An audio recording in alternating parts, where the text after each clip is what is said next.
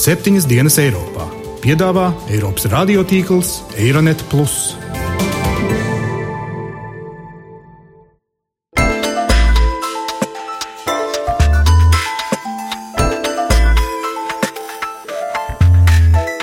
Šonadēļ septiņas dienas Eiropā dzirdēsim Šīs populistiskās partijas ir epizodiskas. Ir vilšanās par demokrātiju. Jāsako līdzi, ko viņi saka, kur viņi piedalās, ko viņi reāli panāk.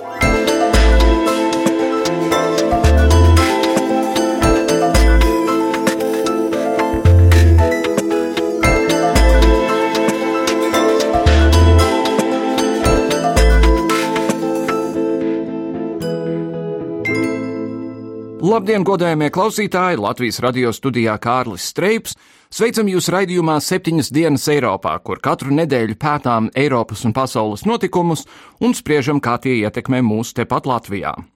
Intervijā Spānijas laikrakstam El País Eiropas komisijas vadītājs Žans Klods Junkers brīdinājis Grieķijas jauno premjerministru Cipru, ka tam tagad nāksies atzīties vēlētājiem, ka viņš nespēs pildīt savus pirmsvēlēšanu solījumus.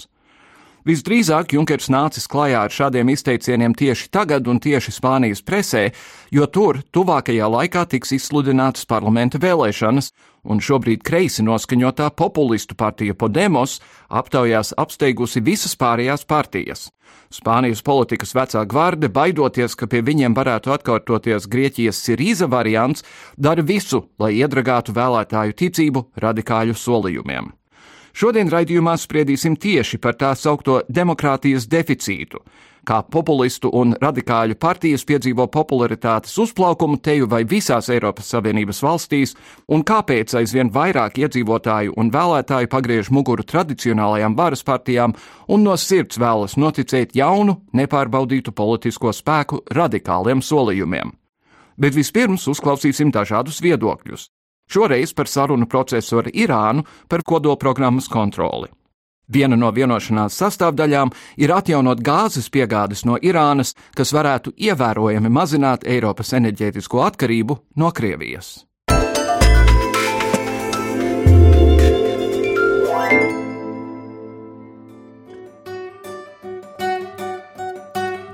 Sarunas par Teherānas kodola programmu ir nonākušas izšķirošajā fāzē. Vienošanos ir plānots panākt līdz marta beigām, un līdz šim ir spērti vairāki pozitīvi soļi. Lai gan vienošanās sola pārtraukt 12 gadus ilgušo konfliktu un visticamāk Irānai tiks atceltas sankcijas, visdrīzāk sankciju atcelšana Irānas gāzes un naftas industrijām radīs jaunu spriedzi ar citiem enerģijas piegādātājiem, tostarp arī ar Krieviju. Daudzi uzskata, ka Maskavai gāzes jautājums bija viens no iemesliem, kādēļ tā sāka kāru ar Ukrainu. Tāpēc, kā skaidro Eiropas augstā pārstāve ārlietās Frederika Mogherini, Irānas kodolvienošanās jautājums ir arī jautājums par Eiropas drošību. Uh, uh, uh, Eiropas Savienība atbalsta šīs sarunas visos līmeņos, ar pilnu apņēmību un centību, jo mēs zinām, ka mūsu turpmākā drošība ir ļoti saistīta ar šo sarunu iznākumu. Tā Mogherīnī is linked to the result of these very important negotiations. Ja Amerikas Savienotās valstis un tās partneri tuvāko nedēļu laikā panāks kodolvienošanos, eksperti ir pārliecināti, ka tas viennozīmīgi ietekmēs globālo naftas un gāzes tirgu.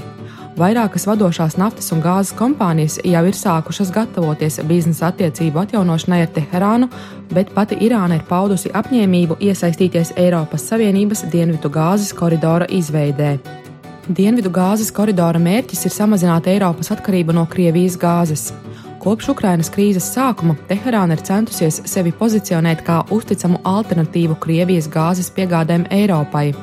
Irāna ir arī vienīgā valsts Eiropas robežu tūmā, kurai būtu pietiekamas gāzes rezerves. Saskaņā ar ASV valdības paspārnē esošās enerģijas informācijas administrācijas datiem, Krievijai šobrīd ir pasaulē lielākās gāzes rezerves. 48 triljoni kubikmetru, bet Irānai un Turkmenistānai kopā būtu vairāk. Startautiskās sankcijas, ko rietumu valstis ir noteikušas Irānai saistībā ar tās kodolprogrammu, neļauj tai pārdot naftu un gāzi pasaules tirgū. Sīrus Nazarī, viens no galvenajiem Irānas pārstāvjiem kodolvienošanās sarunās 2003. un 2005. gadā, skaidro, ka viens no pēdējiem šķēršļiem sarunu procesā ir jautājums par to, cik ātri sankcijas tiks atceltas. 90 metri jau ir aiz muguras.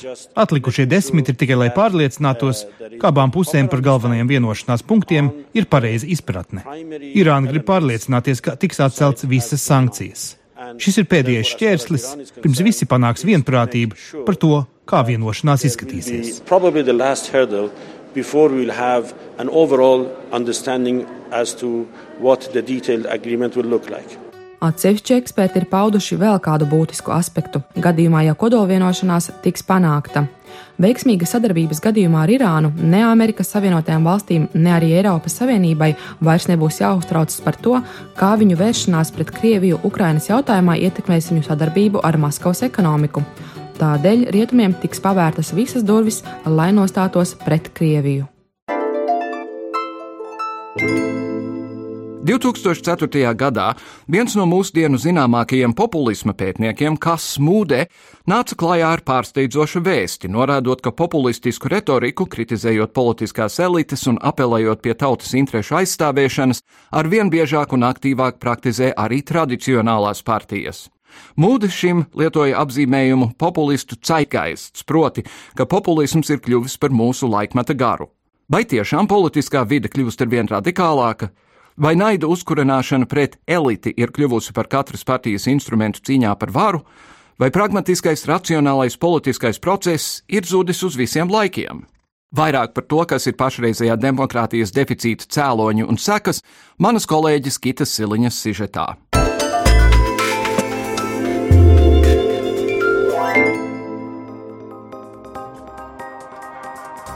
Jau esam runājuši mūsu raidījumā par to, ka līdz ar populistu partiju popularitāti Eiropā pēdējos gados ir vērojama iedzīvotāju neapmierinātība ar pastāvošo kārtību un arī strauji protestu kustību pieaugums. Pētnieku aplēses liecina, ka nozīmīgas protestu kustības pēdējo piecu gadu laikā parādījušās vairāk nekā 90 valstīs. Politikas analītiķis Dimitris Sotiropoulos pērn norādīja, ka ekstrēmistu partijas, piemēram, Zelta rītausma Grieķijā, aug un uzpildās ar vakumu, ko radījuši tradicionālie politiķi. Eiropas Savienība ir veikusi lielu progresu, bet ne tik pietiekami, lai spētu novērtēt ļaužu grupas ar zemākiem ienākumiem un jaunākās paudzes pārstāvis Eiropā. Tas nozīmē, ka ir radīta auglīga augsne populistiem un vienkāršotas politikas izpratnes uzplaukumam. Cilvēkiem ir apnikušas tradicionālās politiskās partijas, un viņu nespēja piedāvāt un nostabilizēt gana labklājīgu dzīvi valstīs. Tas atspoguļojas arī mazapmeklētājās vēlēšanās jau vairākus gadus. Delfī ārzemju ziņu komentētājs Filips Lastovskis, skaidrojot situāciju, norāda, ka akcentējamais skaidrojums populistu partijas uzvaras gājienam ir iedzīvotāju un tautas neapmierinātība ar ekonomisko stāvokli. Tradicionālās centriskās kreisās partijas nespēja uzturēt pienācīgu labklājības līmeni valstīs, iedzīvotājiem jāpiedzīvo krīzes, un tad nu, liela iedzīvotāja daļa meklējot alternatīvu vēršās pie nu, radikālāk noskaņotām partijām, tā kā tas, piemēram, tikko ir noticis Grieķijā ar Sirīzu. Un iedzīvotāji ir gatavi radikālām pārmaiņām, īpaši, ja šīs partijas sola populistisks solījums un, un dažādas skaļus saukļus. Un šis bezizējas alternatīvas variants, ka iedzīvotāji grib labāk, grib dzīvot bagātīgākā, viņiem bieži interesē dažādi nacionālistiski noskaņot jautājumi par imigrāciju un par kuriem ir bail runāt, taču tad, kad jāiet pie urnām, tad par to var nobalsot, un tā kā pārējie neredz, kā tas nobalsos. Tā ir ļoti nopietna demokrātijas krīze, kā skaidro analītiķi. Turklāt pašlaik tā nav iespējams rast risinājumu. Nav skaidrs, kāds varētu būt jaunais Eiropas Savienības narratīvs, jo trūkst vienprātības kā politiķu, tā iedzīvotāju vidū. Piemēram, pensionāra Džordžija Maima Noglu savu nevēlēšanos iet balsot nesen kā aizvadītājās Grieķijas parlamenta vēlēšanās skaidroja šādi. Viss, ko viņi mums pamet, ir maizes drupačas, bet paši sola ar vien vairāk un vairāk. Kam lai tic, par ko tad te lai balso? Ja tiks ievēlēti labie, ievēlēs arī kreisos un sociālistus, visu atkal būs tāpat. Iedzīvotāju ekonomiskajām problēmām sekojoša argumentācija populisma pieaugumam ir ļoti daudzās Eiropas Savienības valstīs. Tomēr ir arī atšķirīgi pamatojumi. Lielbritānijā, piemēram, šīs populistiskās partijas skaļi runā par imigrantiem Eiropas Savienības ietvaros. Savukārt Spānijā un Itālijā pievērš uzmanību imigrantu plūdiem no trešajām valstīm, solot tos apkarot pēdiņās, kad nonāks pie varas. Turklāt, kā atzīst Filips Lastovskis, šis populisms turpināsies un visticamāk nesīs zināmas augļus gan Spānijai, gan arī Francijai. Noteikti centriskās partijas būs spiestas turpmāk arī, arī Spānijā nu, apvienoties, vairāk sadarboties, lai kaut kādā veidā radītu kaut kādu opozīciju. Pāriem partijām centriskajiem kreisiem neatliks ļoti daudzās valstīs cits iespējas, kā tikai, tādas, kā tikai sadarboties. Un, un mēs esam Eiropas Savienības iedzīvotāji arī Latvijā, mēs esam ieinteresēti, lai viņām, manuprāt, lai viņam tas izdotos, lai centriskajām partijām, jo šīs populistiskās partijas ir uh, draudz īstenībā visai Eiropas Savienībai. Šīs partijas ļoti bieži nostājās nu, ar tādām ideoloģiskām frāzēm kā pret homoseksuālu, piemēram, cilvēku tiesībām. Viņi iestājās pret imigrantu, pret minoritāšu tiesībām bieži uzsvarot tikai to savu valstnācijas vienīgo iespējamību un savu vienīgo pareizo seksuālo orientāciju, piemēram. Un šīs nostādnes, ko šīs partijas pauž, ir ļoti līdzīgas tām, ko postulē Krievijas pašreizējā ideoloģija. Un tādējādi nu, Eiropas Savienības robežu kaimiņš, kurš šobrīd rada draudus Krievijai, atrod Eiropā dzirdīgas ausis un draugus, ar ko sadarboties. No citām valstīm, kur vēlēšanās var būt gaidāmi neparedzami rezultāti, pētnieku skatījumā būtu izceļamas Dānija, Somija, Spānija, Francija, Zviedrija, Īrija un Vācija. Visās šajās valstīs pieaug populistu partiju popularitāte, īpaši Francijā, kur pēc terora aktiem žurnāla Charlie Hebdo redakcijā ar skaļiem izteikumiem nereizi vien ir uzstājusies Francijas Nacionālās frontes partijas priekšsēdētāja Marina Lepena. L'Europe est-elle capable? L'Europe est-elle capable de nous protéger, nous? Vai Eiropa ir spējīga mūs aizstāvēt, vai Eiropas Savienības robežu atvēršana palīdz kontrolēt fundamentālistus, kas šķērso robežas turpu šurpu, vai tā nav taupības politika, kas ir vainojama pie mūsu reaģēšanas spēju sabrukuma, kad policija un bruņoties spēki ir atstāti bez bruņojuma. Šie ir jautājumi, kas mums sev ir jāuzdod. Tā Lepena. Laissez les nations se défendre. Cilvēku nogurums, neticība un šaubas ir cēloņi tam, ka zudusi interese, un arī vienaldzība ir būtisks akcents, uzskata Filips Lastovskis un norāda, ka pie mums Latvijā, lai arī nav spēcīga populistu partiju kā Rietuma Eiropā, tomēr arī nacionāli noskaņotie spēki nav tik jaudīgi, lai spētu piedāvāt vēlētājiem to, ko viņi gribētu sagaidīt un par ko it kā dotas vēlēt. Pietuvinātie, kas mums visvairāk būtu, tā būtu Nacionāla apvienība, bet viņi ne tuvu ir ar tik radikāliem gājieniem. Un, piemēram, Latvijas Austrum Eiropas gadījumā tas gadījums ir, ka mēs esam gadu 10, nu, 25 gadus aptuveni piedzīvojuši liberālo partiju dominanci, kuras nav nesuši vēlamo rezultātu. Kur aizvien augsta korupcija, aizvien problēmas ar presi, brīvību, nopirkt, nopirkt mēdī, korupcijas skandāli, tiesas strādes, un mēs 25 gadu laikā neesam redzējuši, kā valsts tiek savās kārtībā. Rietumē Eiropā liberālo daudzās valstīs arī cilvēkos vienkārši ir vilšanās par demokrātiju un par liberālām vērtībām. Līdz ar to tas paver iespējas tādiem politiskiem spēkiem, kas savas idejas pamato ar tādiem saukļiem kā nu, sorusīdi, nu, nu atvainojos liberāsti, tad gūt virsroku. Lai spriestu par jauno populismu vilni Eiropas Savienībā un par iemesliem, kāpēc iedzīvotāji un vēlētāji izvēlas ticēt jaunu un nepārbaudītu politisko spēku radikāliem solījumiem, studijā esam aicinājuši Latvijas Universitātes pasniedzēju un politiskās zinātnes doktori Ilzi Valceri. Labdien! Labdien! Sāksim ar, ar situāciju Latvijā. Ja es tā padomāju, man liekas, ka vienīgā politiskā partija Latvijas pēcokupācijas vēsturē, pa kuru var teikt, jā, tā bija nepārprotami populistiska, bija Zīgerista partija. Vai ir arī citas bijušas, ja mēs runājam par tām, kas tiešām ir tikušas saimā iekšā? Nu jā, Zigrist partija tiešām ir viens spilgts piemērs, ja mēs runājam par radikāli labējām partijām Latvijā un tiešām tām, kuras ir bijušas vēlēšanās veiksmīgas. Ārpus tā man jāsaka, ko arī es pētu, proti, ka vairāk jau tas populisms koncentrējas tomēr zem vēlēšana barjeras un virkne partiju, kuras uzrādās populismu iezīmes, tomēr parlamentā neiekļūst. Tāpēc, jā, Zīgaris partija ir nu, tāds viens klasisks piemērs Latvijas gadījumā, kur tomēr šī partija savāca nu, nepieciešamo balsu skaitu. Bet tad ir, protams, jautājums par to, kā jūs traktējat, kas ir populisms. Mm -hmm. Tādā gadījumā ja es metīšu to jautājumu atpakaļ. Kā jūs traktējat, Jā, populisms? Nu, populismu jēdziens sociālajās zinātnēs nu, ir tāds ļoti diskutabls. Jā. Kas tas īsti ir? pamatā, un, un kā akadēmiskajā vidē šo jēdzienu traktē, ka tas tomēr ir vēršanās pret valdošo eliti, kombinācijā ar nu, akcentu uz tautas interesēm, jā, tauta kā patiesais suverēns.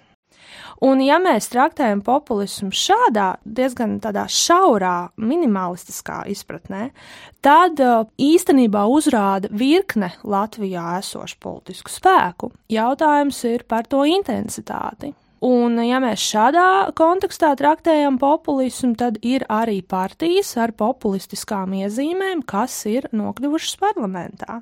Šeit mēs runājam piemēram par Zatlera reformu partiju, arī dzen par vienotību, piemēram.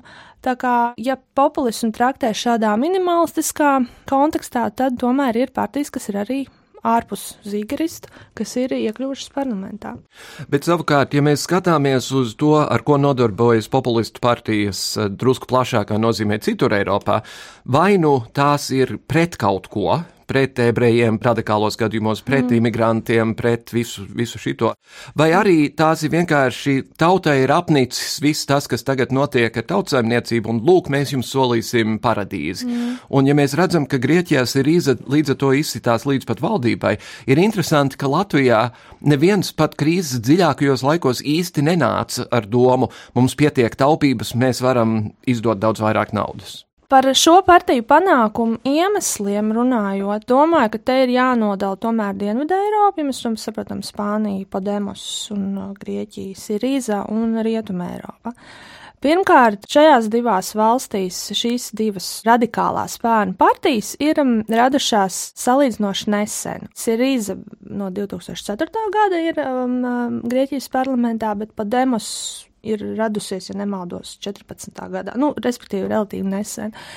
Kamēr Rietumē Eiropā tomēr šīs radikālās spāna partijas, Nacionālā fronte Francijā, Austrijas brīvības partija, Dānijas tautas partija un, un citās Rietumē Eiropas valstīs tomēr pastāv ļoti ilgi.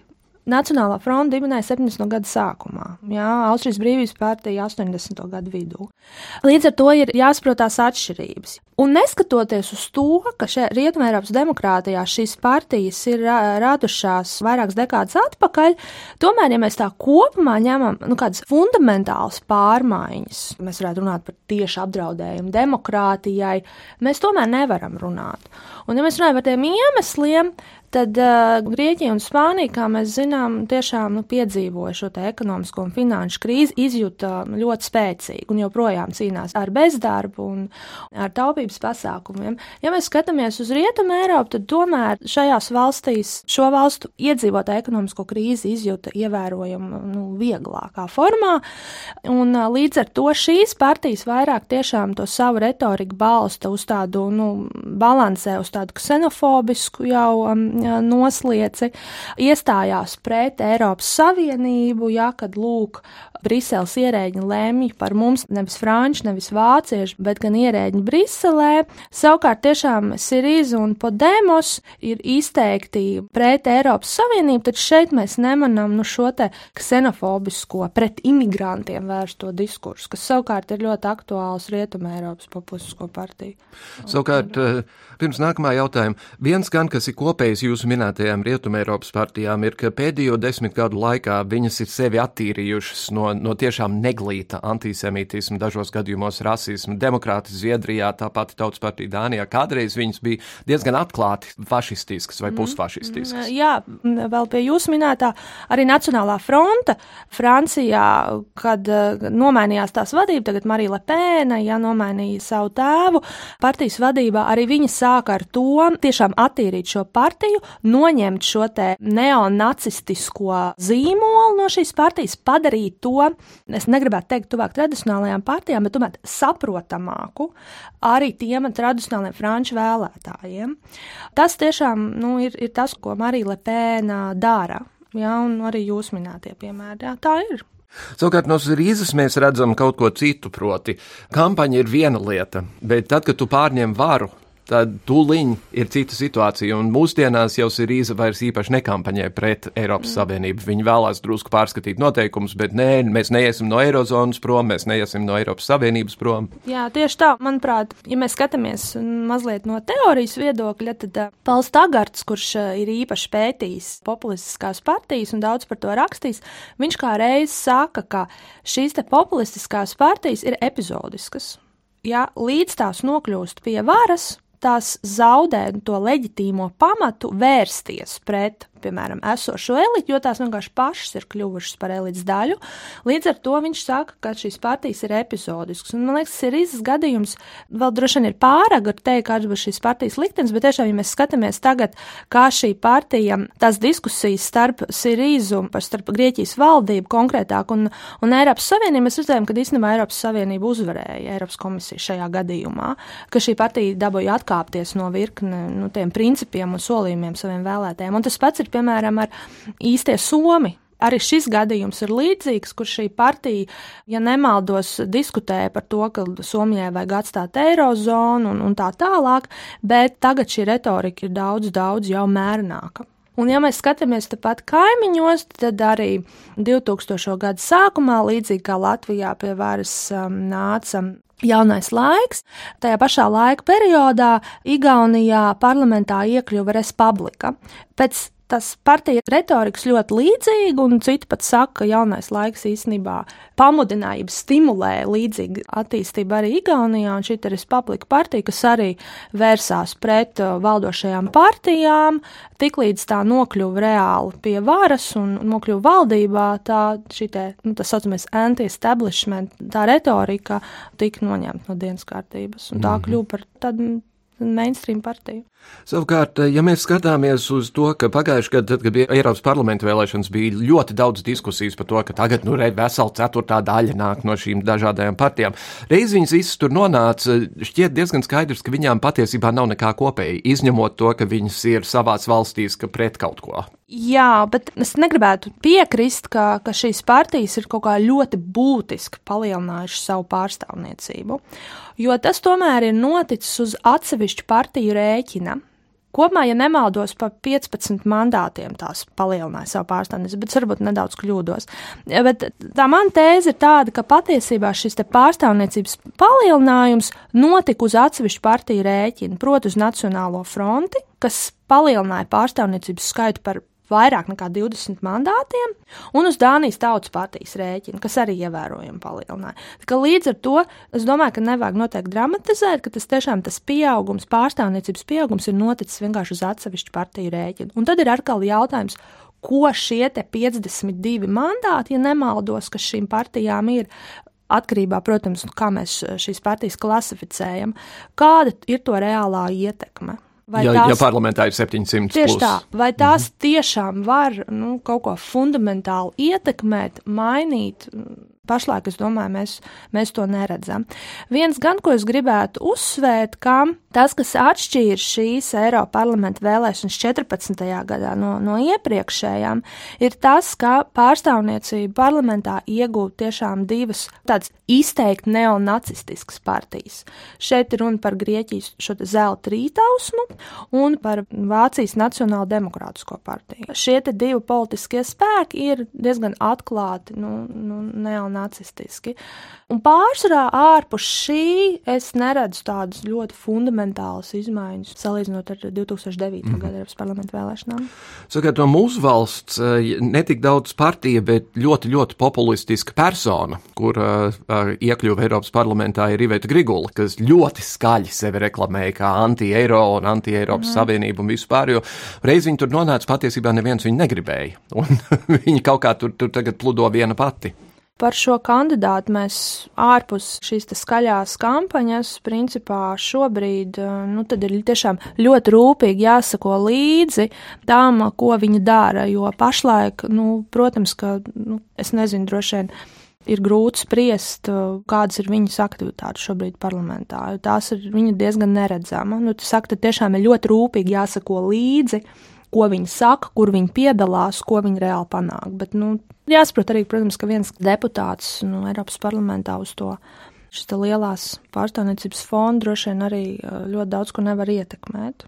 Ja mēs skatāmies uz tiem, kas ir redzamākie šie cilvēki šajās dažādajās partijās, man, piemēram, ļoti interesants ir Nigels Farāģis no Lielbritānijas neatkarības partijas, kuram ir humora izjūta pa visu to lietu. Viņš labprāt piedalās tādos raidījumos kā Have I Got News for You, un būtībā tur sēž un ļauj visiem pārējiem ņirgāties pa viņu. Acīm redzot, uzskatot, ka publicitāte ir labāka nekā publicitātes mm. trūkums, vienalga kāda tā ir. Es varbūt nevarēšu spriest individuāli par personālijām, bet uh, jā, lielā mērā šo partiju tēls un tas, kā viņi panāk šo te atpazīstamību, ir uz tādu, nu, balansējusi tādu uz dažādiem šovu elementiem. Tas ir tas, kā šīs partijas panāk to redzamību. Un iespējams, ka tā elektorāta daļai, kas par šīm partijām balso, kā reiz no šāda pieeja šķiet simpātiska. Mm -hmm.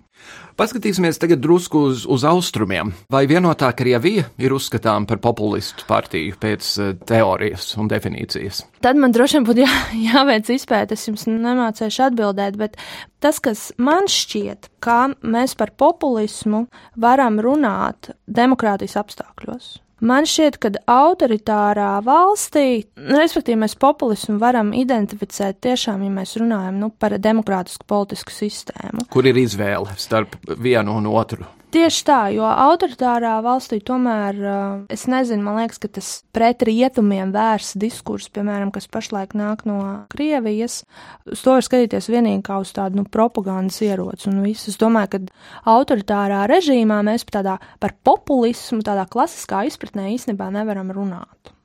Vai jūsuprāt, ir kāds labums no šīm populistiskajām partijām? Mēs esam tendēti uz viņām, viņām skatīties kā kaut ko tādu nepatīkamu un marginālu un tā.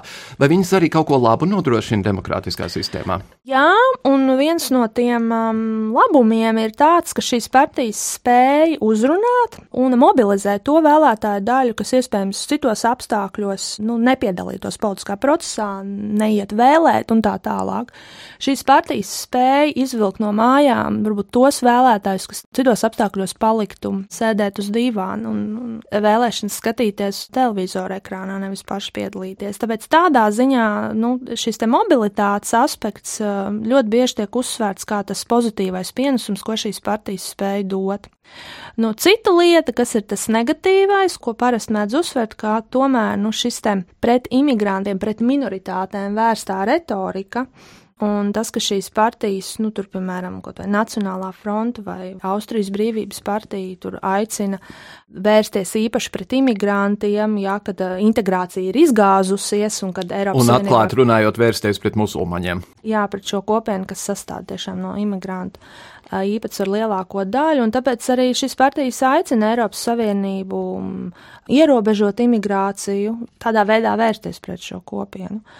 Un tur pamatā ir būtībā vienkārši prasta diskriminācija un, un ksenofobija. Jā, nu šeit ir tā vēršanās pret liberālās demokrātijas pamatvērtībām, tad pret minoritāšu tiesībām.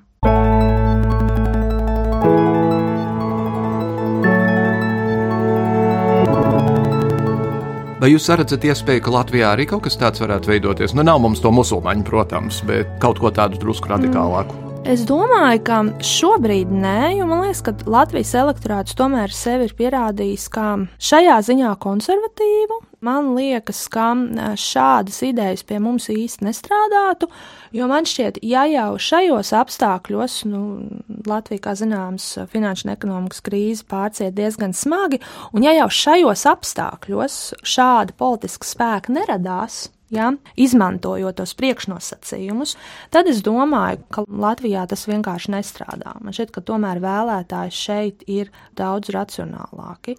Un arī tas, ka sabiedrība kopumā arī dzen atbalstīja šos taupības pasākumus. Jā, pretēji mēs redzam, Grieķijā, Spānijā cilvēki ir dziļi neapmierinātība. Jā, viņi saka, nost ar taupības pasākumiem, nost ar algu, algu samazinājumu un tā tālāk. Es domāju, Latvija tādā ziņā un vēlētāji ir daudz piekāpīgāki. Paldies jums par sarunu. Mm -hmm. Bija jauki ar jums aprunāties. Politiskās zinātnes doktora Ilse Balcere. Jā, paldies! Grāmatas mazais princis autors Antoine de Saint-Exupéry reiz teica, Pieaugušie paši nekad neko nesaprot, un bērniem ir nogurdinoši mūžīgi visu viņiem skaidrot. Mēs septiņas dienas Eiropā zinām, ka tieši lielie cilvēki spēj sastrādāt vislielākās dumjības un cenšamies rīkoties tā, lai mazajiem nav par mums jākaunas. Eiropas padome aizrādījusi Francijai pretrunu par to, ka Francijā pastāv likumdošana, kas aizliedz vārdarbību pret bērniem, kamēr vienlaikus likumdevēji uzstāja, ka vecākiem būtu jābūt tiesībām disciplinēt bērnu, ziņo Euronews.com. Tiek norādīts arī, ka vecākiem būtu jāspēj audzināt bērnus, saglabājot bērna cieņu. Par to, vai arī Latvijā ir kādas pretrunas šajā jautājumā un kādas ir tendences, komentē Valsts bērnu tiesību aizsardzības inspekcijas priekšniece Laila Rieksta Riekstiņa. No likumdošanas viedokļa Latvijā viss ir kārtībā. Jau no 1998. gada, kad Latvijā stājās spēkā bērnu tiesību aizsardzības likums, Latvijā ir aizliegta bērnu fiziska sodīšana un pazemošana, bet nav aizliegts bērnu disciplinēt, un tas pat ne tikai nav aizliegts, bet tas pat ir jādara, jo ir formulēta audzināšanas mērķi, sagatavot bērnu patstāvīgai dzīvei sabiedrībā, tādu mācīt viņam uzņemties atbildību, bet tas ir jādara ar metodēm, kas bērnu nepazemo un neizskar. Jo iepliķēšana, paraustīšana nebūtu nav tas labākais veids, kādā bērnam mācīt darīt labu un nedarīt sliktu. Visbiežāk tie vecāki, kuri aizstāv bērnu pēšanu un cita veida fizisku sodīšanu, saka, tā mūs audzināja un mēs izaugām par labiem cilvēkiem, un ja mēs gribam, lai bērni izaug par kārtīgiem cilvēkiem, tad bez tā iztikt nevar. Bet vienmēr ir jautājums, vai to pašu rezultātu nevarēja panākt ar citiem līdzekļiem. Tikai šie citi līdzekļi prasa pacietību, prasmi runāt ar bērnu, jo mērķis savukārt tiek sasniegts varbūt ilgākā laikā, bet rezultāts ir daudz noturīgāks, jo bērns pats ir sapratis, kāpēc kaut ko vajag vai nevajag darīt. Nevis vienkārši kaut ko nedara, tāpēc, ka baidās, ka viņu par to sitīs. Jo bailes nav labākais audzināšanas paņēmiens un arī ilgtermiņā nedod labākos rezultātus, jo bieži vien pēc tam pusauģu vecumā tie paši vecāki no sava bērna saņem atpakaļ neusticēšanos, baidīšanos runāt par kādām problēmām, un tad, kad vecāki gribētu šo kontaktu ar bērnu veidot, tad to jau ir ļoti grūti izdarīt. Skatoties to statistiku, ko mums parāda bērnu uzcības tāluņa zvani, tur, kur bērni zvana nu, par savām problēmām, tad uh, sūdzības par fizisku vardarbību ir krietni mazākas, tāda tendences tam ir samazināties, bet pieaug zvanu skaits par emocionālu vardarbību. Ar to arī izskan šīs nedēļas septiņas dienas Eiropā. Droši vien labi vien ir, ka tādas radikālas populistiskas partijas pie mums īpaši nav redzamas. Turēsimies pie pārbaudītām vērtībām. Paldies, dāmas un kungi, līdz nākamajai nedēļai! Visu labu!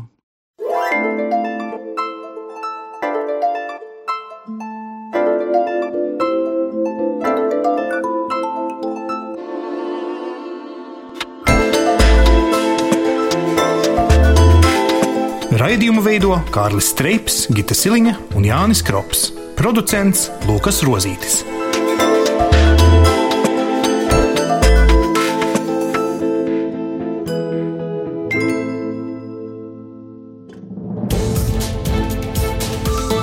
Visus Eironet plus sižetus un raidījumus meklējiet Latvijas radio mājaslapā.